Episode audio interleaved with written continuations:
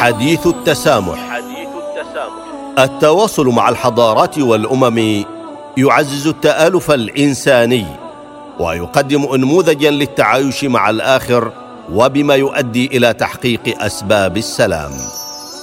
حديث التسامح برنامج يعده ويقدمه سعادة الدكتور محمد بن سعيد المعمري. حديث التسامح.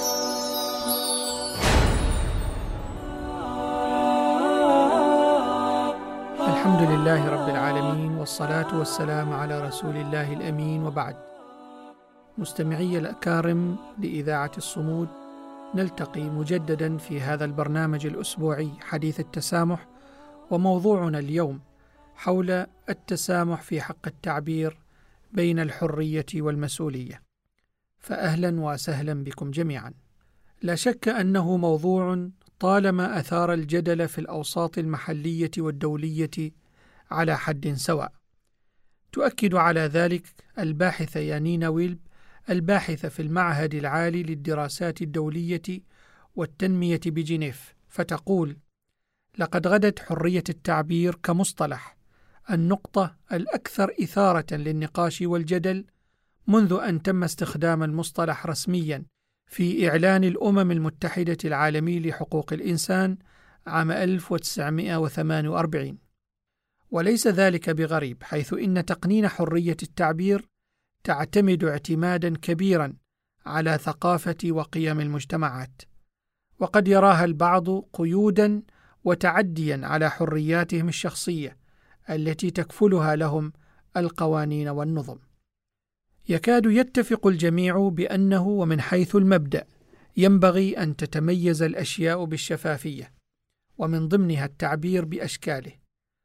ويتأكد ذلك المنطلق في كل من الإعلان العالمي لحقوق الإنسان والذي كما ذكرنا سابقا صدر في العام 1948 وكذلك ميثاق الأمم المتحدة بشأن حقوق المواطنة والحقوق السياسية الذي صدر في العام 1966 وقد جاء في الأخير وفي مادته التاسعة عشرة ما نصه كل إنسان له الحق في التعبير الحر عن رأيه وهذا الحق يشمل حرية البحث عن المعلومات والأفكار من شتى الأنواع والحصول عليها ونشرها سواء كان ذلك شفاهيا أم تحريريا أو في صورة مطبوعة وسواء كان من خلال الفن أو أي وسيلة أخرى وهذا بغض النظر عن الحدود السياسية.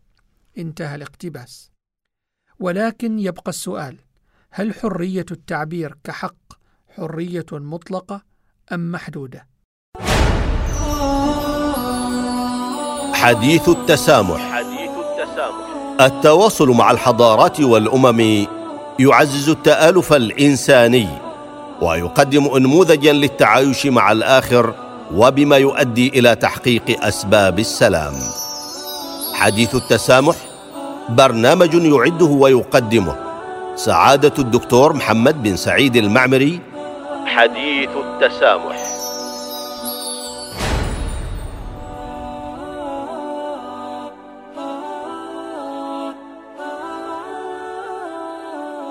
أعزائي المستمعين والمستمعات بالرغم من اختلاف الثقافات ووجهات النظر حول العالم إلا أنه يكاد يتفق المفكرون والنقاد على أن حرية الرأي والتعبير لا يمكن أن تعني ابدا وببساطة السماح بإطلاق العنان للتعبير دون كوابح ودون مسؤولية خاصة إذا أدى ذلك إلى المساس بالحقوق الأساسية الأخرى للإنسان مثل الكرامة والأمن والاحترام. وفي هذا السياق تقول البروفيسورة بيترا جريم أستاذة الأخلاقيات الرقمية في كلية الإعلام في شتوتغارت الألمانية. إن حرية الرأي كما هي الحرية بشكل عام مرتبطة دائما بقيود معينة. لقد كفل النظام الأساسي للدولة في سلطنة عمان الحريات بأنواعها ومنها حرية الرأي والتعبير.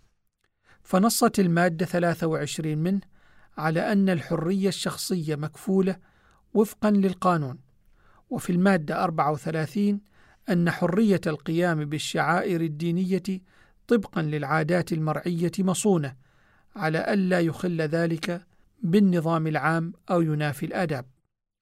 وجاء في المادة 35 بأن حرية الرأي والتعبير عنه بالقول والكتابة وسائر وسائل التعبير مكفولة في حدود القانون.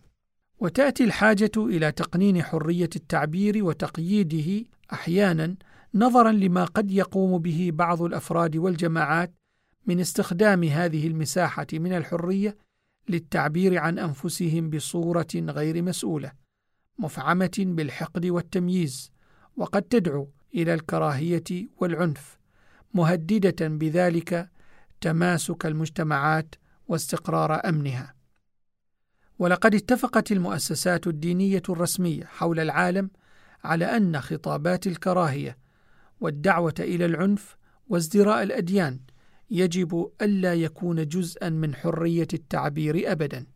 فحرية التعبير التي يجب أن يكفلها القانون هي الحرية التي تهدف إلى التعلم وعدم الإساءة إلى الآخر. ومن وسائل التعبير في وقتنا المعاصر منصات التواصل الاجتماعي التي أصبحت قنوات سهلة ومساحات مفتوحة للمناقشات وتبادل الآراء إلا أنها باتت وللأسف في السنوات الأخيرة الماضية وخلال الجائحة منافذ لدعوات العنف ونظريات المؤامرة وناقلة للمعلومات المغلوطة والأخبار المزيفة ورسائل الكراهية والتمييز.